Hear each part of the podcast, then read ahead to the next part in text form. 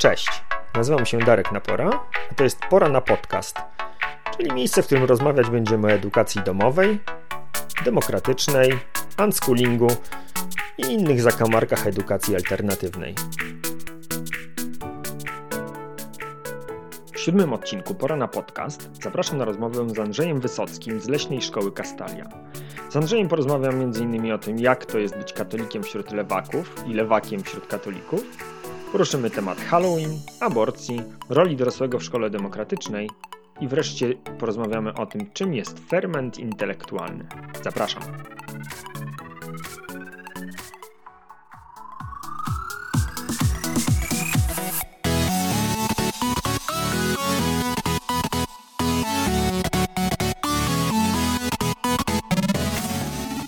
Pierwsze pytanie, którego chciałbym zacząć, i to już jest taki tradycyjny początek tych wszystkich moich pogaduszek, to jest pytanie i zadam je tobie w tej mojej najbardziej docelowej formie, e, z racji tego, że jesteś ekspertem od NVC i będziesz doskonale wiedział, co to znaczy po bezprzemocowemu, co w tobie żywe. Od poniedziałku narodzinami mojej córki, yy, trzeciej, we mnie jakoś tam ciągle we to rezonuje i kolejny, i kolejny, i kolejny dzień. Tak jak powiedziałem właśnie, tak w dyskusji właśnie na temat śmierci z kumplem, że wiesz, no do śmierci to się nie da przyzwyczaić, coś nie da się tego jakoś tak załapać, tak sobie tego jakoś tak uporządkować i znaleźć do tego jakieś podejście, ale już jak się rodzi człowiek, to mniej więcej wiesz, czego się spodziewać, przynajmniej emocjonalnie. I za każdym razem jest inaczej ale za każdym razem te emocje mnie są podobne. No, po pierwsze gratuluję, a po drugie od razu na wstępie się z tobą absolutnie nie zgadzam. Moim zdaniem nie da się za żadne skarby przygotować do tego, jakie to jest uczucie, jak się rodzi dziecko.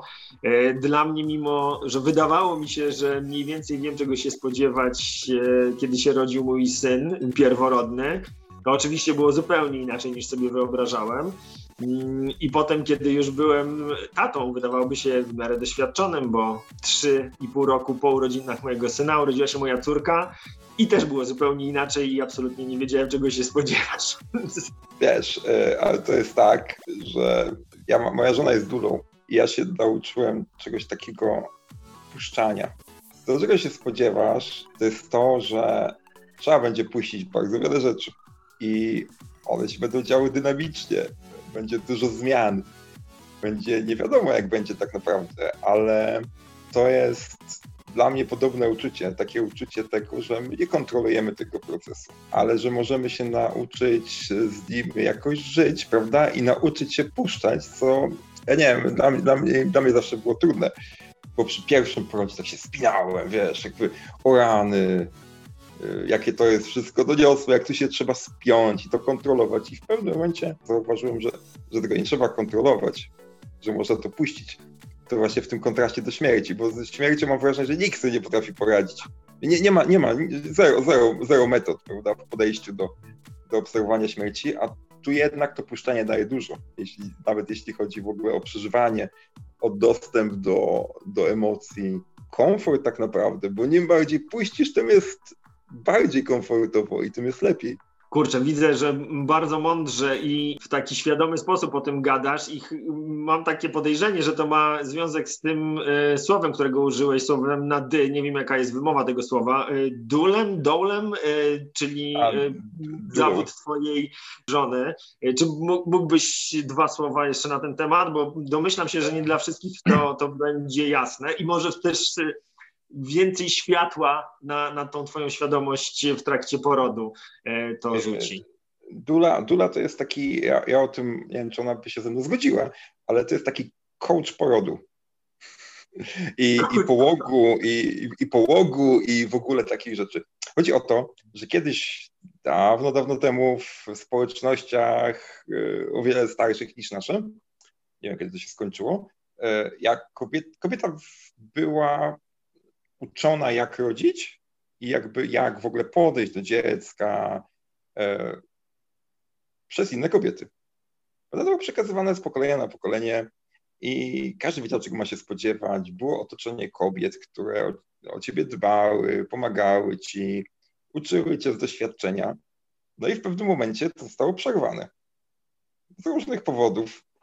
I w tym momencie idzie do szpitala, wiesz, masz położną, masz medykalizację, e, masz pośpiech, masz kobiety, które często zadają podstawowe pytania.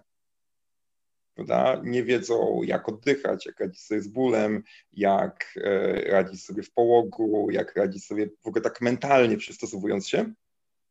No i tutaj wszedł taki zawód, który jest jednym z najstarszych zawodów świata i chodzi o dulę.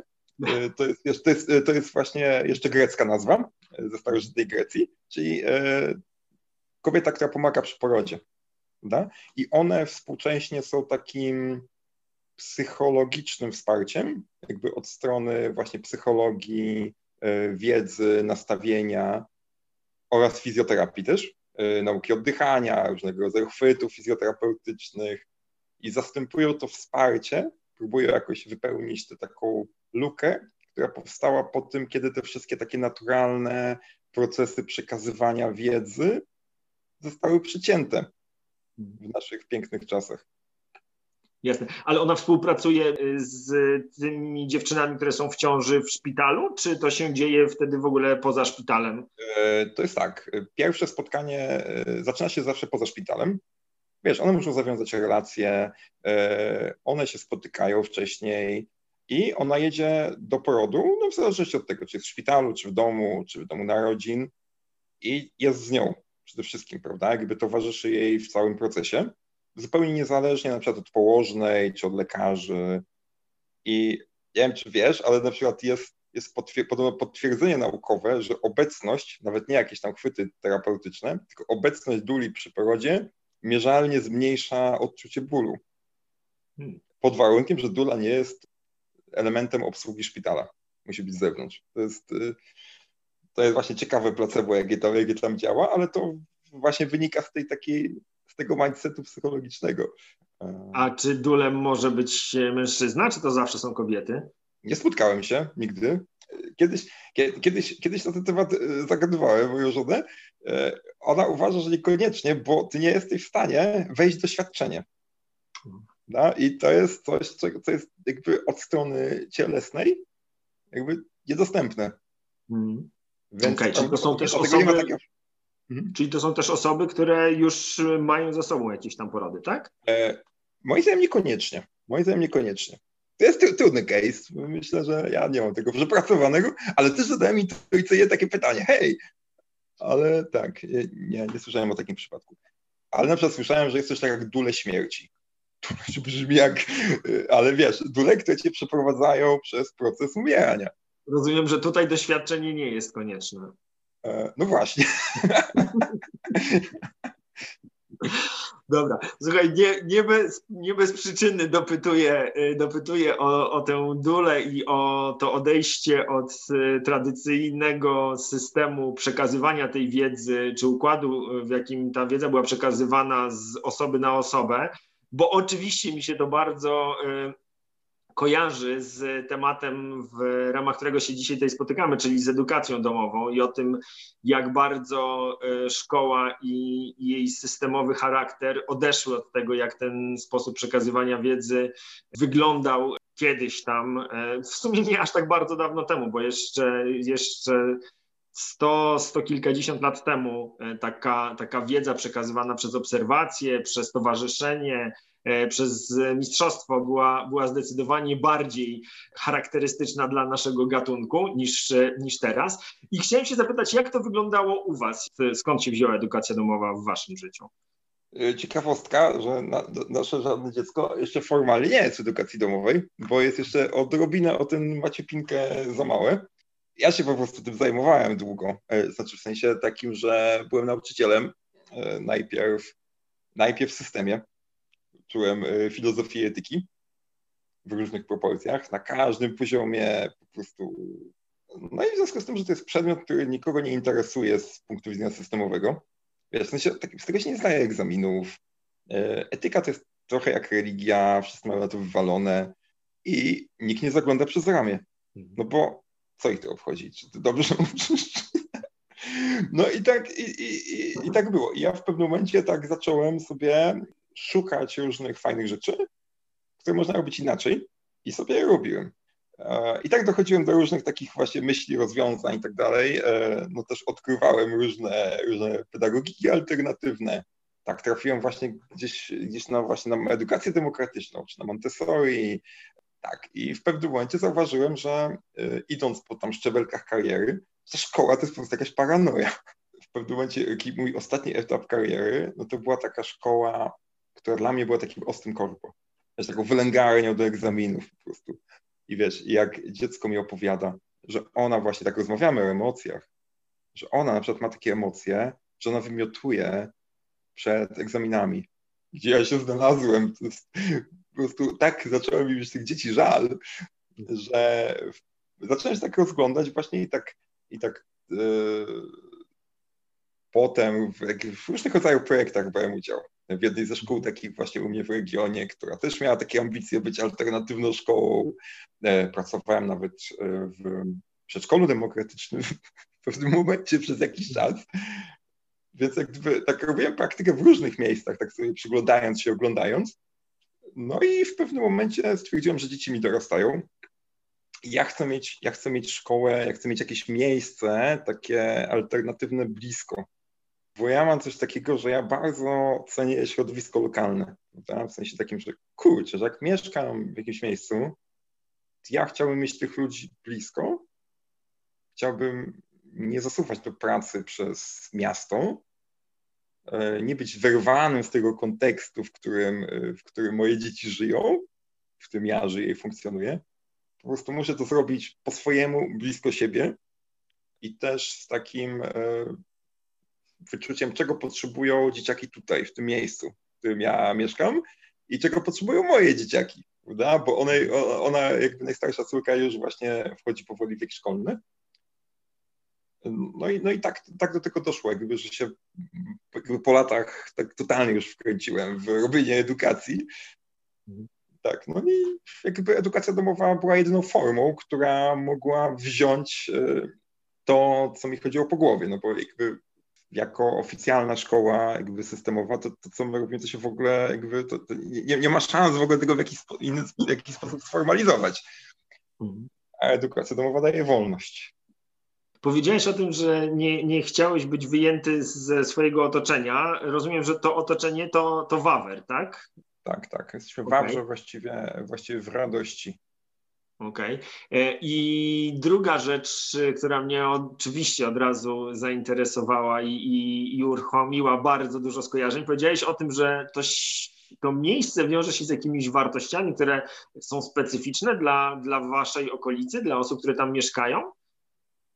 Wiesz co, to nawet nie jest to, że to jest, to jest, to jest skomplikowane.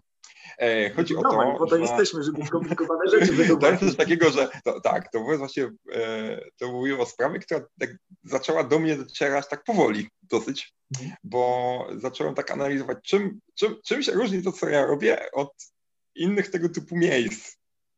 I słuchając ludzi, tak właśnie zacząłem wyciągać różne wnioski, na które właśnie tutaj okrężnie wpadłeś poprzez różne kontakty internetowe. To jest tak, u nas y, jest dosyć duża grupa, dosyć duża taka społeczność edukacji domowej, w sensie Wawrze, Wawrze w ogóle szczególnie właśnie w Radości. Tych ludzi tu jest pełno. I to jest, i to jest strasznie, strasznie ciekawa sprawa.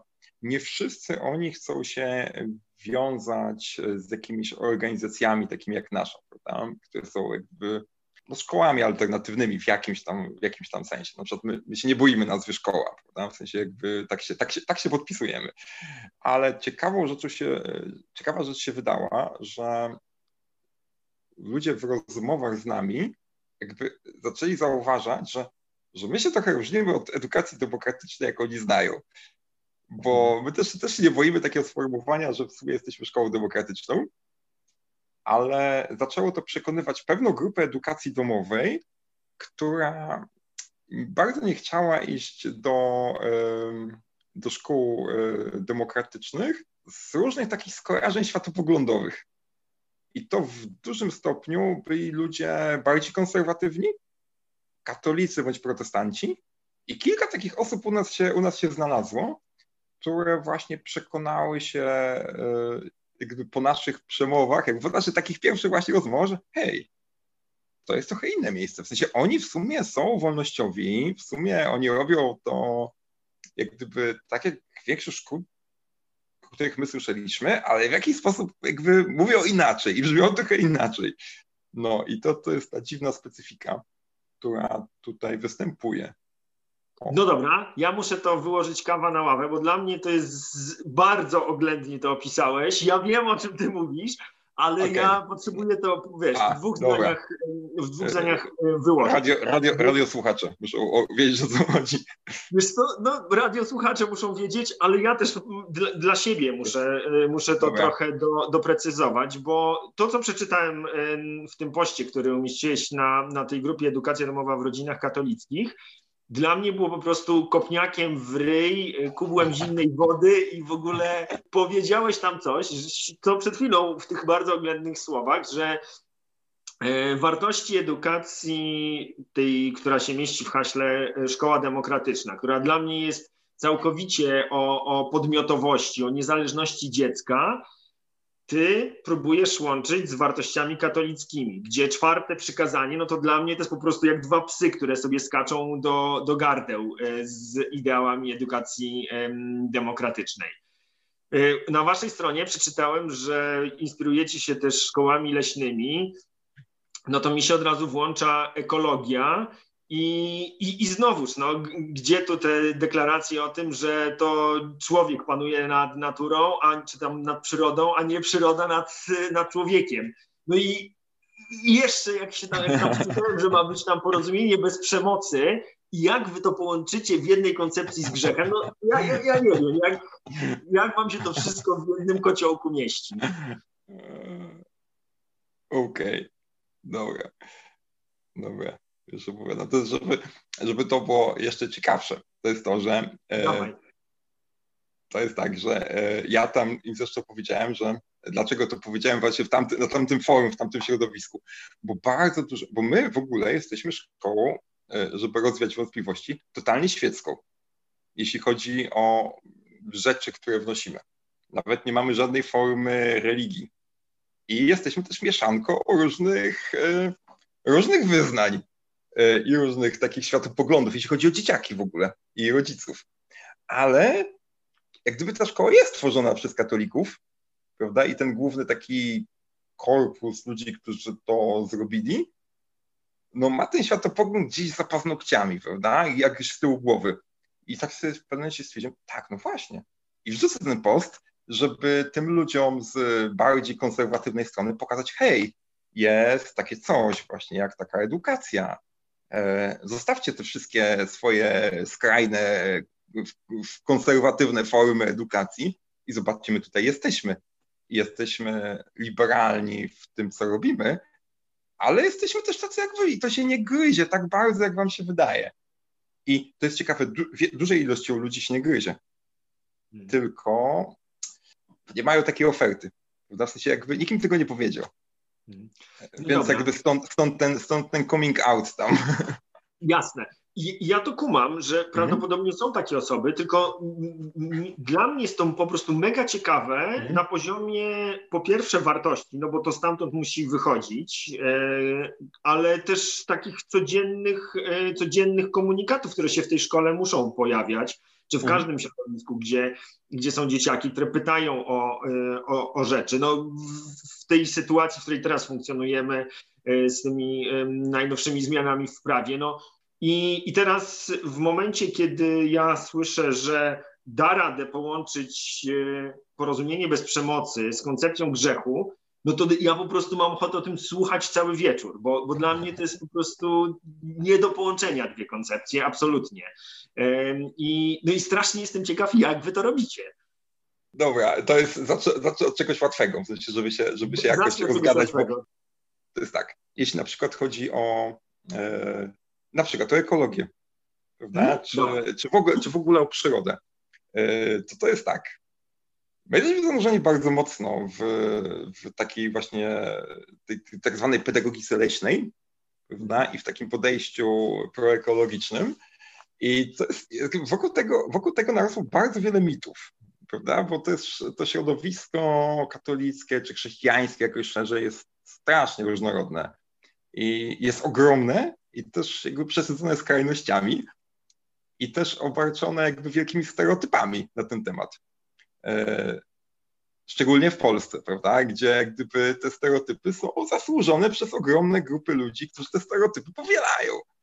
No, ale chodzi o to tak, jakby, żeby dać jakieś podłoże, takie jak już, już idziemy w takie podłoże religijne. No słuchaj, no to jest tak, że jakby w, w, w mojej mentalności, prawda, czy takim podejściu, my mamy ten świat wypożyczony. E, jak Bóg tworzy świat, prawda, w biblijnym micie, to on nie sadza człowieka jako e, Boga nad światem, prawda, jakby swojego zastępcę i tak dalej, tylko e, on mówi o uprawianiu ogrodu Eden. No jest po to, żeby dbać o ten porządek, który tam występuje. A ten porządek jest w ogóle bardzo ciekawy, prawda? dlatego że w ogrodzie Eden, prawda, tak jak według pierwotnego, wiecie, to jest mit, który opisuje pewien, pewien filozoficzny case w tym ogrodzie jest harmonia. Na przykład, jak się wczytasz Księgę Rodzaju, to tam nawet zwierzątka jedzą trawę zamiast innych zwierzątek.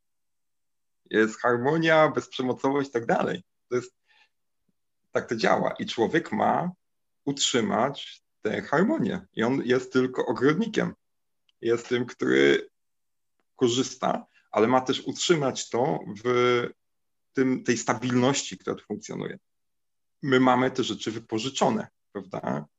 My mamy te rzeczy jakby nie na własność, więc nie mamy prawa po prostu ich niszczyć. I to jest, i to jest dla mnie bardzo czarno-białe, prawda?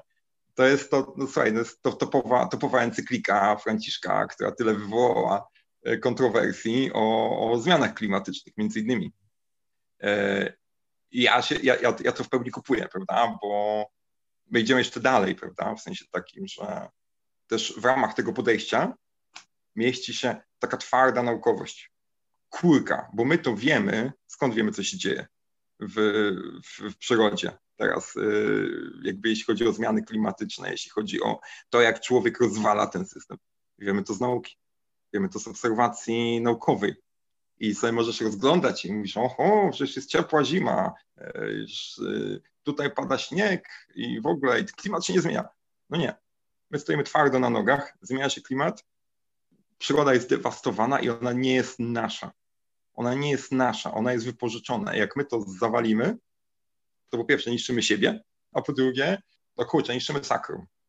Okay. Nie wiem, czy to się dla ciebie trzyma jakoś kupy, ale to jest taki, taki pierwszy ja melodium. jestem osobą absolutnie niereligijną i to, jak ja odbieram e, słowo e, katolicyzm i, i jak on, e, jak ja sobie wyobrażam wpływ e, hasła, które przygotowując się do tej naszej dzisiaj rozmowy, pierwszy raz zobaczyłem, czyli mm, pedagogika katolicka. Nie wiedziałem w ogóle, że coś takiego istnieje.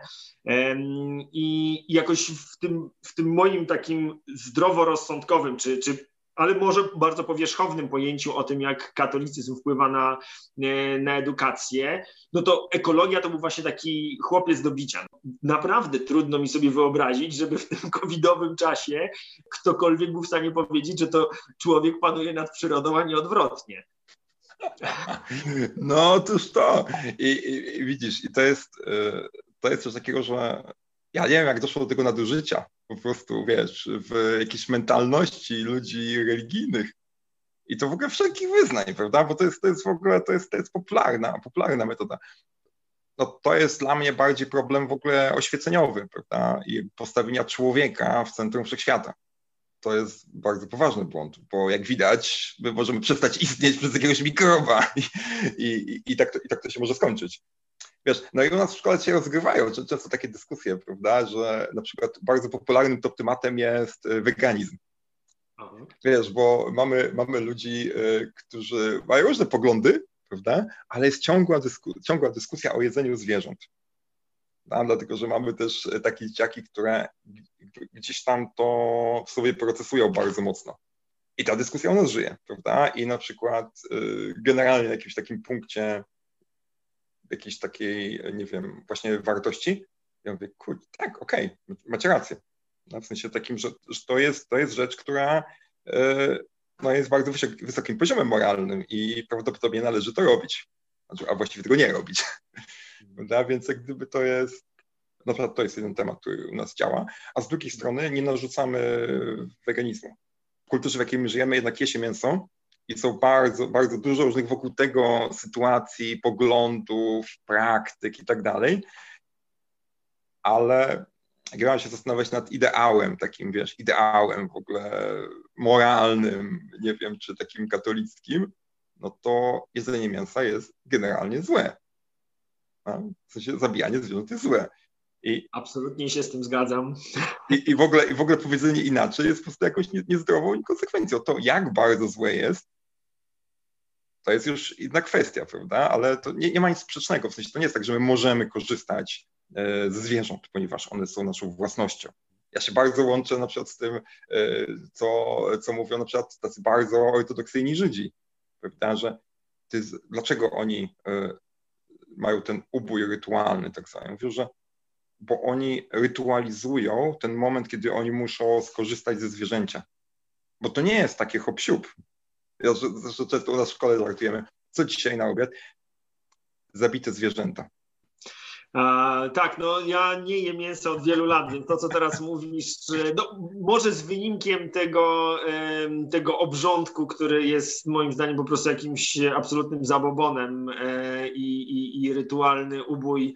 E, no, trudno jest mi tutaj dopatrywać się wartości w tym, choć rozumiem, że na poziomie e, emocji czy, czy, czy uczuć. Tak, to jest na poziomie, no, tylko mówię na poziomie, na poziomie jakiejś tam wartości, prawda, którą e, oni tam szukają, prawda? Okej, okay, no bo to jest coś takiego, że ty sobie jesz kurczaczka, pamiętaj, że ty kurczaczek... to jest misterium. Hasał, hasał, hasał, hasał po polu, prawda? I to e, zabicie czegoś takiego jest rzeczywiste, prawda? A teraz jak my nie zabijamy zwierząt osobiście, to nam się wydaje, że po prostu kotlety rosną na drzewach, prawda? I że, i że, że to jest, nie, nie masz doświadczenia tego, więc nie masz też winy moralnej.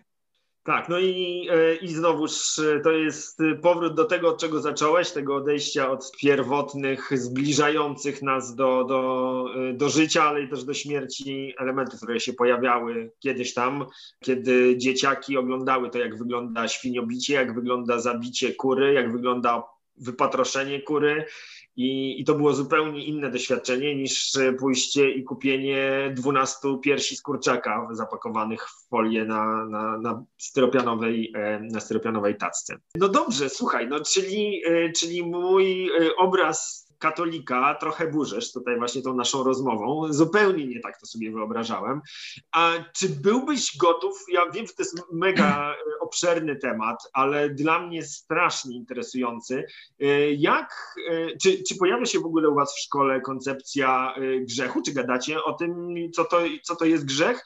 I jak to łączycie z NVC, które wiem, że dla ciebie jest ważnym, ważnym elementem? To jest tak, my nie prowadzimy żadnego nauczania na ten temat, prawda? Ale... Nie to w szkole demokratycznej. Tak.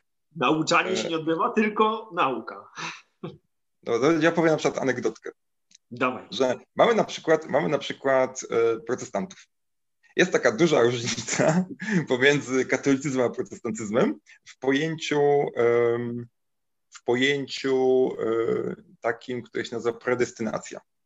Ja wiem, że to jest predestynacja, wiesz, że jak się tam człowiek rodzi, to od razu ma przeznaczone, czy pójdzie do nieba, czy do piekła, tak? Tak, tak, I tak. swoim teraz... życiem o tym zaświadcza, o ile tak, dobrze pamiętam. Tak, wiem, że takie, dysku, takie dyskusje często się odbywają, prawda, bo masz miks poglądów i dzieciaki gadają o rzeczach. Prawda? To, jest, to, jest, to jest ciekawe, prawda, że ty nie musisz w ogóle wnosić poglądów ateistów, e, poglądów katolików, protestantów i tak dalej, bo dzieciaki tak to wywalą w jakimś momencie. I to są bardzo ciekawe dyskusje, prawda? I na przykład się odbywała taka dyskusja, no przecież jest tak, mówią, mówią, mówi, mówi protestant, czy ewangelik, prawda, to już różnie, różnie się tytułują, no, że my nie mamy do końca y, takiego, takiej możliwości, że ty coś zrobisz, jesteś dobrym człowiekiem i, i zostaniesz zbawiony, prawda? No bo przecież zbawia tylko łaska Boża. No, na przykład, a na przykład katolicy uważają, że tak, ale jak jesteś złym człowiekiem i krzywdzisz innych i robisz grzech i tak dalej, no to ty masz wolną wolę przecież i ty sam wybierasz bycie złym. Znaczy w sensie sam wybierasz po prostu krzywdzenie innych, sam wybierasz swoją drogę i nikt cię nie zbawi na siłę. Mówi, o, bo wy myślicie, że wy możecie sobie wypracować zbawienie pewnym postawą moralną, a to tak nie jest. Rozumiesz? I takie dyskusje właśnie o moralności, czy, czy właśnie podparte, podparte właśnie takimi, wiesz, smaczkami, smaczkami religijnymi. I to jest, i to jest właśnie fajna, fajna sprawa, że, że, że, my im bardzo pozwalamy na takie dyskusje, w sensie jeszcze to wiesz, podkręcając, bo, bo tu jeszcze wejdzie ateista, tu jeszcze wejdzie, wejdzie wiesz, i ten, ten ferment intelektualny jest duży wiesz, bo to są dzieciaki, już mam dzieciaki na przykład z siódmej klasy, prawda, które już e, naprawdę zdrowo, jakby zdrowo wchodzą w pewne tematy takie egzystencjalne, jak się rozpędzą. No i wiesz, my wprost o tym nie gadamy, prawda, ale, ale gdzieś tam się zaczepiały rzeczy, prawda. Człowiek z natury, według przynajmniej katolików, protestanci wiem, że mają różne poglądy na ten temat, jest dobry. Dlatego, że Bóg tworząc człowieka mówi, jest bardzo dobry. No, ale jest wolny. Da? W sensie, że natura człowieka, jakby jego taki wewnętrzny, wewnętrzna konstytucja jest taka, że, że on jest po prostu wolny, ma wolny sposób myślenia, podejmuje niezależne decyzje, ma autonomię i ma autonomię także wobec bóstwa. To bóstwo właśnie jako, jako, jako takie bóstwo, które kocha człowieka, no mogłoby sobie stworzyć niewolnika i tak dalej, ale tworzy coś na swój wzór. Prawda? I ta wolność powoduje, że my możemy też zadawać krzywdę innym ludziom. Że możemy psuć stan za stany. Prawda? W sensie możemy zniszczyć klimat albo wyrzucać plastikowe rzeczy do morza i potem tuszą się żółwie. E, I tak dalej, i tak dalej, prawda? I to jest coś takiego, że ja, ja, wiem, że, wiem, że część ludzi ma takie, właśnie takie, takie podejście, że właśnie grzech to jest coś, co ty sobie wbijasz w siebie, prawda, albo gdzieś się zapisuje w jakiejś takiej boskiej księdze wyroków, prawda, i ty możesz to na przykład zmazywać poprzez jakieś akty religijne, albo jak masz tego za dużo, no to e, Ozyrys cię nie wpuści do tego, e, nie, to nie ta religia, e, no to w każdym razie idziesz do piekła, prawda, no w tej wersji, którą ja rozumiem, to jest coś takiego, że bóstwo no, no, nie jest w stanie zostać skrzywdzone przez y, postępowanie ludzi, prawda? Że w pewnym momencie y, umierasz, prawda? I wyłączają cię wszystkie takie formy takiego oszuki- samooszukiwania siebie. Prawda? W sensie ludzie uwielbiają być, y, sądzić, że mają rację, prawda? Budujesz sobie całe ego, które uważa, że jest najlepsze i wszystkie jego wybory moralne są w ogóle ekstra. A to jest, to jest dosyć typowe dla naszej konstrukcji. No ale w pewnym momencie twoja psychika puszcza i stajesz twarzą w twarz, prawda, z absolutem i stajesz twarzą w twarz ze sobą. Bez żadnych ograniczeń, prawda, bo już nie masz tego obciążającego umysłu. I nagle widzisz sobie, że nie możesz się połączyć z absolutem z Bogiem, prawda, który jest miłością. No i to nie jest tak, że ty się nie możesz, bo on nie chce, to ty nie możesz. Bo po prostu widzisz siebie i, i, i nie bardzo to się wszystko klei. Prawda? Bawię się tą myślą y, połączenia, połączenia y, porozumienia bez przemocy i tego oparcia Aha. podstaw y, czy motywacji do działania człowieka na, na zasadzie potrzeb, które on realizuje, czasami nieszczęśliwie i, i niezbyt, nie, nie, niezbyt szanując otoczenie mhm. swoje, czy to w postaci ludzi, czy, czy przyrody, e, ale, ale zawsze y, wychodzę z takiego założenia, i bardzo jest mi to bliskie, to co, co i u Rosenberga się pojawia i, e, i w Selfregu, że, że to są zawsze e, potrzeby, które stoją za, za tymi działaniami. Nawet o, jeśli ja kupuję te plastikowe torebki i je wyrzucam mhm. do morza, to dlatego, że się tak fajnie wynosi z zakupy na jednym palcu ze sklepu, mhm. a nie dlatego, że jestem zły. A ja tak, oczywiście. Tak, tak, tak. Okej, okay, dobra, już wiem o co ci chodzi. E, dobra, oczywiście, tak oczywiście, bo słuchaj, bo to jest coś takiego, że tak, to rzeczy się biorą z nieuporządkowanych potrzeb. To zresztą, zresztą, zresztą taki ortokatolicyzm to jest na takie sformułowanie nieuporządkowane potrzeby. Dobra, to musisz mi Też... to opowiedzieć. Na, czy, na czym to polega? ty masz po prostu no, dokładnie na tym, co, co, o czym mówiłeś, prawda, że ty masz potrzebę i uważasz, że działasz słusznie, prawda, bo realizujesz swoją potrzebę w tym momencie, wiesz, odniesienia zakupów i czy na przykład jakoś, jakiś, jakiś po prostu ekspresji w jakimś momencie, prawda, albo, e, albo po prostu jesteś głodny, potrzebujesz kanapki. A żadna teoria psychologiczna nie wychodzi wszędzie, prawda, to jest, to, ja, ja tak widzę Rosenberga, prawda, że to jest, to jest rzecz praktyczna, prawda, która oczywiście jest bardzo głęboka, ale że to jest o kontaktach interpersonalnych, a nie o tym, jaki jest człowiek, czy jaki jest świat. Nie? Wiem, że jest przynajmniej jedna osoba, która zamierza na ten temat książkę napisać, e, także to temat dość gruby, więc, więc pewnie w, w takiej krótkiej formie, jaką mamy do dyspozycji, się, się tego wszystkiego opowiedzieć nie da. Chciałbym to zakończyć w taki sposób, który byłby jakoś, e, jakoś pozytywny i jakoś, jakoś e, wiążący nas w taką jedną całość, a nie rozdzielający. A dzisiaj, jak przeczytałem o tych Twoich, e, o tych Halloweenach, to powiem Ci, że mi się strasznie zagotowało. Jak przeczytałem o tym, że, że wiesz, że dzieciaki nawet nie zapytały o Halloween, to, to dokładnie to, z czym mi się kojarzy w najgorszy sposób to, co gdzieś tam funkcjonuje jako pedagogika katolicka, to do mnie wróciło. Bo, bo dla mnie to jest właśnie o tym, że w edukacji domowej, tak jak ja ją postrzegam, to najważniejsze jest to, że dzieciaki mają dostęp do wszystkiego, co się dookoła nich dzieje. A w momencie, kiedy ktoś zaczyna mówić o tym, że dla niego wartościowe jest to, że dzieciaki czegoś nie zobaczyły czy nie oglądały, to to jest dla mnie już nie okej. Okay. No, e, a tu w ogóle bardzo ciekawy wątek poruszasz. Bo ja ci powiem, w jakim kontekście, w jakim kontekście ja to mówiłem tam na, tam na mhm. grupie. To zresztą e, było po rozmowie z moją żoną na ten temat. Nigdy nie jesteś w stanie dać pełnego przekroju świata w szkole. Zawsze rzucasz mniej lub bardziej jakiś wykrój tego, co prezentujesz. Ja mam takie podejście, jeśli chodzi o w ogóle to, co ja wnoszę, to, że obserwuję dzieciaki i próbuję wsłuchiwać się w to, czego one potrzebują. Jeśli chodzi o rzeczy, o których mówią, o jakieś rzeczy ważne, o których mówią, o wartości, jakie mówią, o pytania, jakie one, one stawiają. I mam taki duży problem starać się nie wchodzić w buciorach w ich świat ich problemów. Dla mnie jest ważne dużo rzeczy. Mindfulness jest rzeczą, która jest dla mnie bardzo ważna. Znaczy w sensie coś, co jest dla mnie bardzo atrakcyjne, uważam, że to jest bardzo ważne, żeby tego uczyć, ale widzę na przykład, że na tym etapie moje dzieciaki tego nie potrzebują. W sensie, że to jest ważne. Pewnie byłoby dla nich ważne, ale to nie jest case'em dla nich w tym momencie. Tak się zastanawiałem w pewnym momencie, czy temat właśnie Halloween y, wyjdzie. Znaczy w sensie wyjdzie, w sensie, ktoś przyjdzie i powie, hej, zróbmy to. I wyszło dużo rzeczy w tym czasie, w tym okresie. Wyszedł strajk kobiet, wyszło, wyszła pandemia, wyszło mnóstwo rzeczy, a to nie wyszło. I to nie takie zasadzie, że się cieszę czy nie, prawda? Tylko takim, że e, potem rozmawiałem w ogóle e, ze swoją kadrą w ogóle na ten temat i mówi, no tak, słuchaj, no bo to jest takie środowisko, gdzie nie jest to dla nich ważne.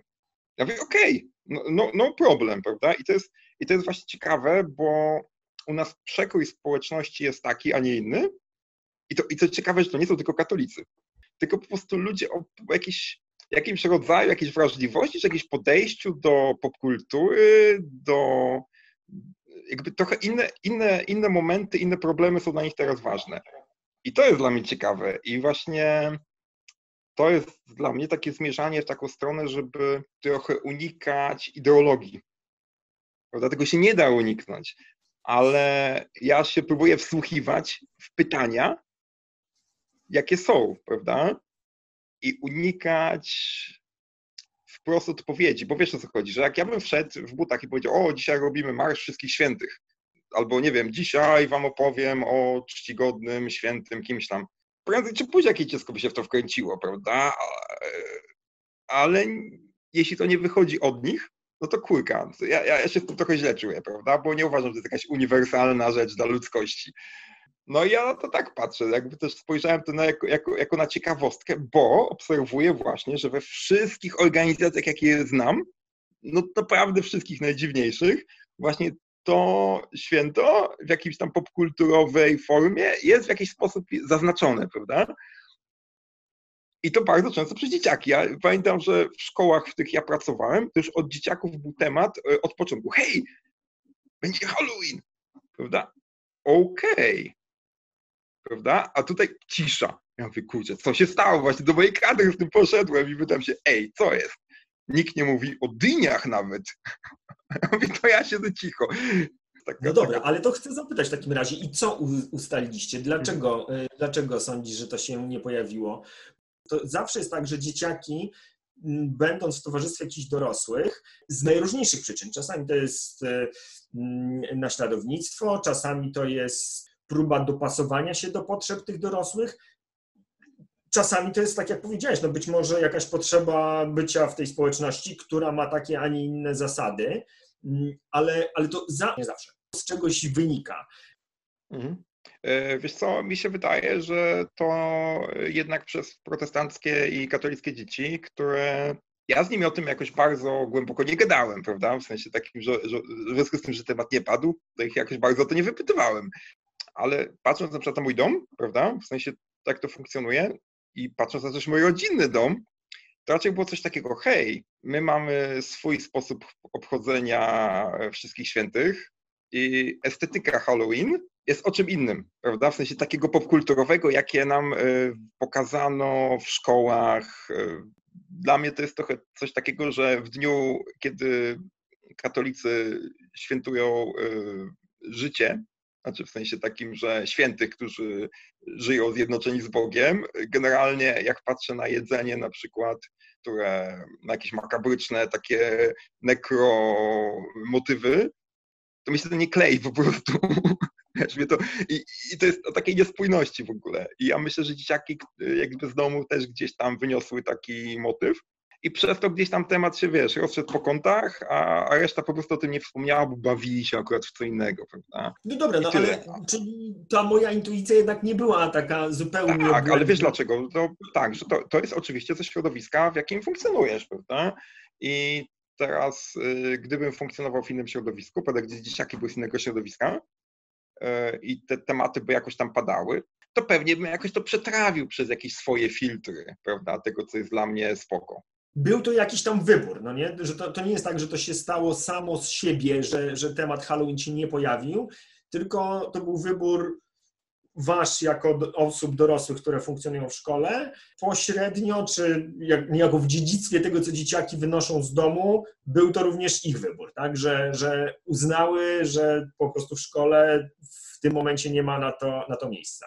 Czy ja to dobrze rozumiem? Znaczy, wiesz co, to tam się odbyło głosowanie nogami po prostu. To się nie zadziało, bo nikt tego nie uznał za jakiś istotny punkt y, skoro już żeśmy dotknęli tego dla mnie bolesnego punktu halloweenowego, to y, ty napomknąłeś jeszcze temat, który ja podczas naszej poprzedniej rozmowy uprzejmie przemilczałem, ale skoro, skoro sam go poruszyłeś, to, to chętnie bardzo do niego wrócę. A jak, jak w, wasz, w waszej społeczności wygląda temat y, tych protestów, które się teraz mhm. Y, odbywają? No bo. Wszystko jest polityczne, jak to ładnie e, Tomasz Mann ujął. E, I, I, wspomniałeś, że ten temat się również u was, u was w szkole pojawia. I bardzo jestem ciekaw, jak, jak z tym sobie radzicie w takiej ekumenicznej e, społeczności. My mamy jedną tą zaletę, znaczy taką, taki, nie wiem, taki po prostu przywilej geograficzny, że właściwie wszystkie nasze dzieciaki są od nas w okolicy, a my siedzimy w lesie. I oni tutaj się po prostu nie stykają bezpośrednio z tymi protestami, tak nie z mediów, prawda? Więc ja też zakładam, że jest jakiś tam dystans do tego, bo oni po prostu tego nie widzą y, inaczej niż przez internety. To jest tak, my jesteśmy bardzo mocno pronaukowi.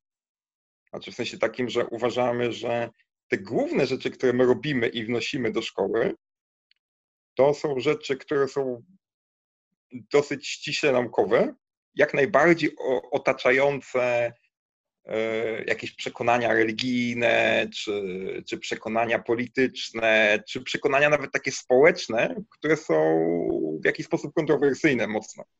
Ja się boję wchodzenia z butami w czyjeś jakieś życie społeczne, i dla mnie szkoła powinna być, wiesz, takim, taki jak ja to widzę, właśnie szczególnie właśnie w takim e, edu-domowym klimacie, To jest miejsce, gdzie my możemy sobie pogadać, jak, na, jak kiedyś może na uniwersytecie, prawda? Gdzie jest poligon doświadczalny gadania.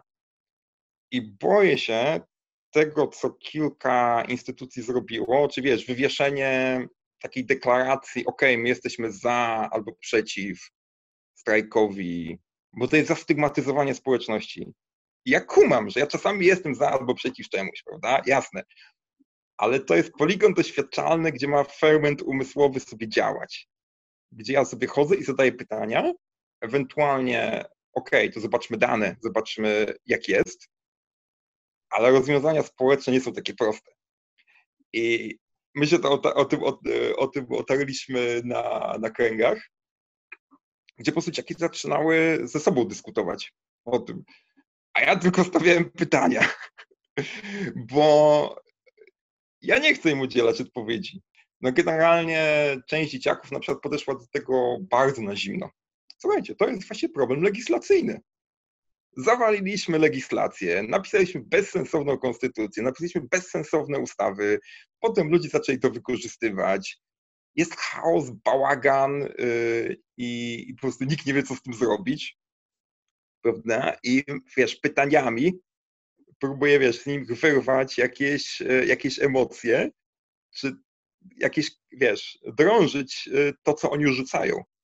Ale ja mam duży opór przed drążeniem tego, czego oni nie rzucają.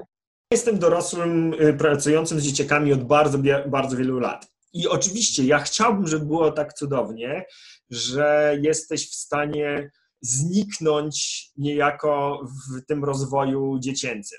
Ale no tak nie jest. Nie, nie, chcesz, oczywiście. Też jesteś tym przywódcą w grupie i funkcjonujesz tam jako wzór dla bardzo, bardzo wielu osób, szczególnie nie ukrywajmy, jako mężczyzna, który w środowisku bardzo sfeminizowanym, jak jest, jakim są osoby opiekujące się dzieciakami, czy szczególnie w środowisku szkolnym, e, no, masz mega, mega ważną rolę do, do odegrania.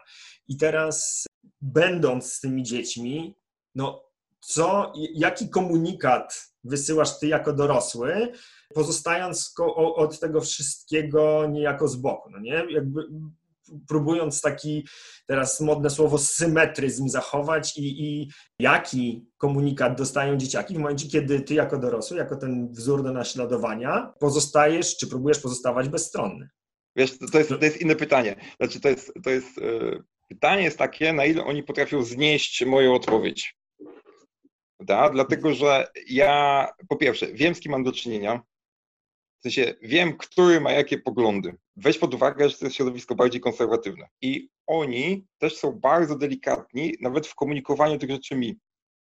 Bo wiedzą, że ja im wytknę, to nie jest takie proste, to nie jest takie jednoznaczne. Słychać w tym, co oni mówią, bardzo duże różnice. Też pewnie wzmacniam ich ten pogląd, że jest duża granica pomiędzy własnym poglądem, a rozwiązaniem prawnym i społecznym. Rozwiązania społeczne, jakie można wprowadzić w jakimś miejscu, są, mogą być bardzo różne i bardzo złożone. Bardzo mocno tam wybrzmiał w tym momencie konflikt i podział.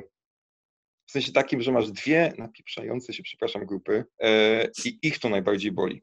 Prawda? W sensie, bo to są dzieciaki, które w większości mają z tym problem. Trochę widzą jedną i drugą stronę. Z domu widzą jedną, z telewizji widzą drugą, patrzą też na to niezbyt czarno-biało, prawda, bo te wszystkie przypadki, w których jest dopuszczana aborcja, w ich głowie są trochę bardziej złożone, bo oni mówią tak, to co się dzieje jest niekonstruktywne, każdej strony. I teraz musimy przede wszystkim wyrzucić do kosza akty prawne, które są beznadziejnie głupie, kompromisowe, są nieprzemyślane, są pełne hipokryzji, a dorośli zamiast odłożyć na bok prawo, i jeszcze raz i od nowa napisać, to się walą po głowach w dwóch skrajnych grupach. Ja jestem gdzieś w takim rozkroku pomiędzy radykałami i dlatego ja sobie nie wywieszam e, profilówki, ani idę, nie idę na protesty.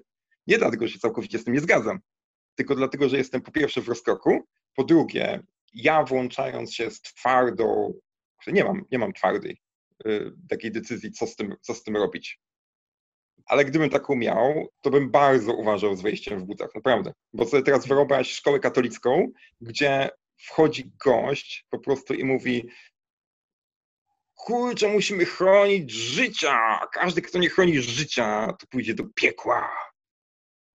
Albo jest zły, albo zdradził Jezusa, albo coś takiego. No jakby to jest masakra. Nawet jakby ja był do czegoś takiego przekonany całkowicie. No. To jest masakra, bo to jest po prostu spojrzenie po prostu czarno-białego typa. To nie był przypadkowy e, lapsus. Ja słyszę bardzo to, co ty mówisz. Jak pewnie widziałeś, ja też nie mam na, na fejsie piorunów e, rozwieszonych. Natomiast no, ja nie ukrywam, że mam bardzo duży dylemat z takim, no, nie wiem, czy, czy słowo symetryzm, czy relatywizm moralny, bo stąd naprawdę już jest bardzo łatwo do, e, do bardzo głupich wyborów. I, I o ile ja rozumiem, że to jest kłopot w momencie, kiedy próbujesz godzić te dwa światy w jednej przestrzeni i, i zajmowanie stanowiska rzeczywiście musi być mega trudne, ale obawiam się, czy takie pozostawanie z boku nie doprowadza do sytuacji, do którą mieliśmy przez ostatnich kilkanaście lat, gdzie, gdzie młode osoby po prostu zupełnie się nie czuły częścią tego układu, e, jakim jest życie w społeczeństwie i, i pozostawały zupełnie, zupełnie obok tego. I teraz moje pytanie, czy modelowanie takiego pozostawania z boku i, i bycie tylko czujnym obserwatorem i słuchajcie, ja bym chciał to wszystko pogodzić, nie jest zaproszeniem do, do, Mhm. do, do, taki, do zajmowania Nie, to takiego... nie jest, to nie jest pozostawanie, wiesz co chodzi, okej, nazywasz to pozostawaniem z boku, to jest, ja na to patrzę, prawda, i mówię ci, że też taki przekaz jest o niekonstruktywności tego, bo przepraszam, to jeszcze tam nie wybrzmiało, bo wiesz, ta dyskusja jeszcze nie idzie tak głęboko, prawda, ale my to wszyscy wiemy, że problem aborcji on jest dużo bardziej złożony niż to, co się wykrzykuje na ulicach. To wszystko się strasznie wypłaszcza podczas e, tego całego ruchu, który się dzieje. I to zostało wypłaszczone też w kompromisie aborcyjnym. I chodzi o to, że, że oni mówią jedną rzecz, trzeba na nowo to wszystko napisać. I to jest, i, i to jest, i to jest, generalnie, i to jest generalnie moje stanowisko. I też takie, że to, co się dzieje, jest oporowo niekonstruktywne. To jest bardzo, bardzo ciekawe i, i trudne też. Okej, okay, okej, okay. tylko, że, tylko że ja obserwuję rzeczy, to też wynika z jednej obserwacji, obserwuję różnego rodzaju e, szkoły, ruchy zajmujące się dzieciakami i mam wrażenie, jestem przekonany, że tam zamieciono. Zamieciono dzieciaki językiem niecierpiącym sprzeciwu. Tutaj niestety pomiędzy rozwiązaniem społecznym aborcja na życzenie, a rozwiązaniem społecznym hmm, może nie zróbmy całkowitej eugeniki, jest jeszcze ileś różnych rzeczy, które warto obgadać. I tak samo u nas, prawda, pomiędzy rozwiązaniem jesteśmy pro-life i tak dalej, jest jeszcze wiele rzeczy, które można obgadać. I ja mam alergię na kolejną szkołę, czy kolejną organizację, która sobie wywiesza manifest y, światopoglądowy na, wiesz, na, na, po prostu profilówce wielkiej. Z, uważam, że to jest tak samo oporowo szkodliwe bo jest to brak delikatności, brak fermentu intelektualnego, jaki tam może się zadziać. Dla mnie dorosły jednak w takiej grupie, on nie będzie nigdy stał z tyłu, bo zawsze wywiera wpływ. Ale czasami trzeba mieć przynajmniej ten moment, żeby, wiesz, to jest tak samo pomiędzy cofnięciem się całkowicie i zamknięciem się, a wywieszeniem transparentów jest jeszcze duża przestrzeń, żeby ani nie zamieść, po prostu powiedzieć, ho, patrzcie, ja jestem wzorem, a ja popieram y, to, to, to, to i to, prawda? A pomiędzy tym właśnie, że wiesz, że, że po prostu nie, ja nic nie wiem, ja, jakiś protest kobiet, coś, coś, no, no.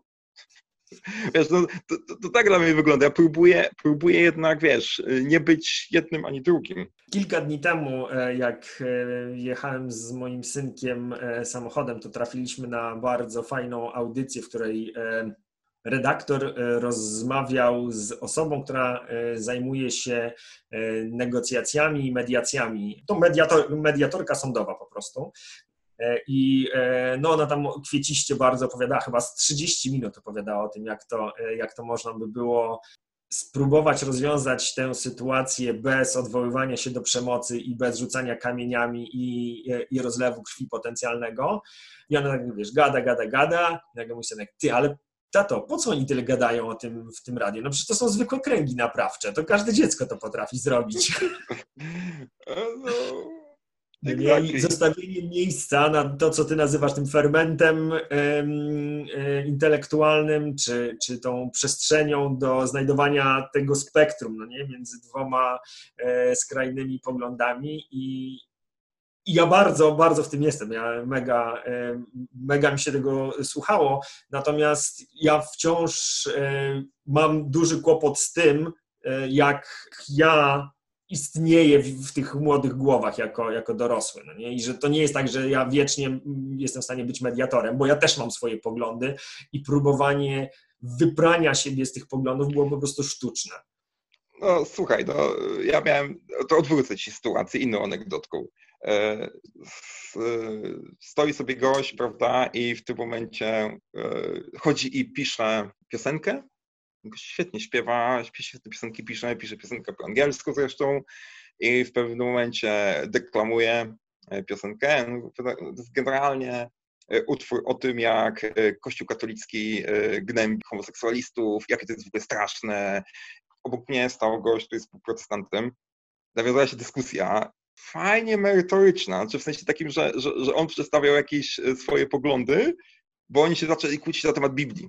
Znaczy kłócić się, w sensie tak dosyć, dosyć mocno dyskutować, co tam jest i dlaczego, i dlaczego ten ci uważają to, dlaczego ci uważają tamto. I ja w pewnym momencie, jako katolik, musiałem stanąć w obronie kolegi, który pisał e, piosenkę e, o homoseksualistach że po prostu y, kolega protestant go nie rozjechał. Ja mówię, czekaj, czekaj, czekaj, czekaj, czekaj, czekaj, czekaj. Nawet papież powiedział, że, że, że w sumie cywilne związki y, homoseksualistów są w porządku, prawda? Tylko, że nie chce im udzielać ślubów kościelnych, prawda? A nie musisz być katolikiem, okej, okay, ale jest w porządku, żeby w państwie homoseksualiści mieć związki, ponieważ no na przykład jak jeden umrze, no to słuchaj, on go nawet nie może pogrzebać, prawda? A żyje z nim latami, prawda? E, nie wiem, jeśli ktoś jest w szpitalu nieprzytomny, to nie może mieć dokumentacji medycznej. Ale ja w tym momencie musiałem, jakby ja czułem po prostu, że ja muszę wystąpić w roli poglądu, którego, wiesz, on nie jest ze mną jak naj, najbardziej po drodze, prawda? Ale dla pewnego balansu i pokazaniu, hej chłopaki, rzeczy nie są czarno-białe nie są tym bardziej e, wielki szacun za to, że, że nie starasz się e, chować w tej e, szarej masie i, jednak z pewną odwagą, tak bym powiedział, te, te swoje poglądy religijne prezentujesz, bo, no bo to nie jest łatwo być takim lewackim wśród, wśród katolików, domyślam się, a być katolikiem wśród lewaków też nie jest łatwo. Wiesz co, bo to jest, to jest tak, że że ludzie mają estetykę poglądów. Jak już jesteś katolikiem, prawda, no to za tym się idzie ten pogląd, ten pogląd, ten pogląd ten pogląd, prawda, jeszcze jakieś poglądy na edukację i na, i na życie społeczne i tak dalej, i tak dalej, bo to są pakiety. Wiesz, one są połączone w pewne pakiety. One nie są logicznie połączone ale tak się zwykło w naszej kulturze to robić. Jak jesteś sobie protestantem, to na pewno nienawidzisz Matki Bożej czczenia, prawda? Jak jesteś ateistą, to na pewno dybiesz po prostu na każdy przejaw religijności, wiesz, a jeśli od razu jesteś lewicowy i, i wiesz, to są od razu pakiety zainstalowane i ludzi niepomiernie dziwi to, że ktoś sobie przyszedł i dobrał sobie pakiety na przykład społeczne z różnych miejsc, które się nie gryzą, ale po prostu społecznie, kulturowo są egzotyczne.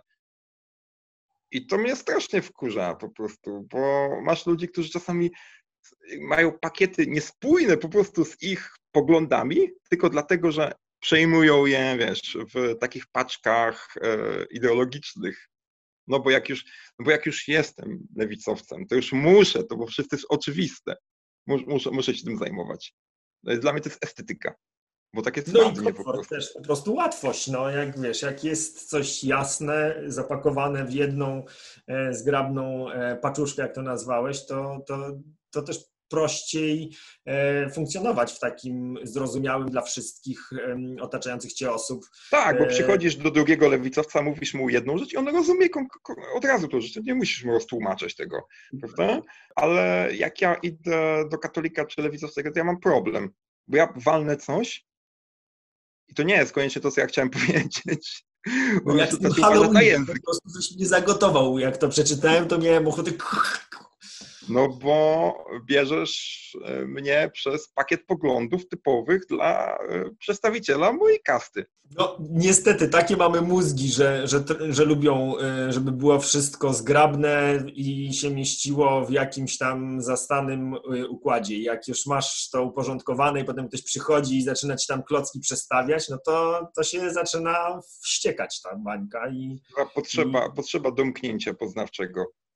Dokładnie. Ja mam dosyć dużo tolerancji na to, że y, jest inaczej. No cóż, ale nie będzie to na pewno ułatwiało funkcjonowania osobom w Twoim otoczeniu. Mi w każdym razie było trudno. No cóż, bardzo Tobie dziękuję i tak osobiście, też nie tylko na potrzeby, na potrzeby podcastu. Bardzo mi było fajnie z Tobą gadać, bo ja rzadko mam okazję gadać z osobami, które e, jakieś oznaki religijności wykazują, więc e, było tak takie spojrzenie, wiesz, na drugą stronę. Bardzo, bardzo dzięki. No, no to cześć, pa. No, dobranoc.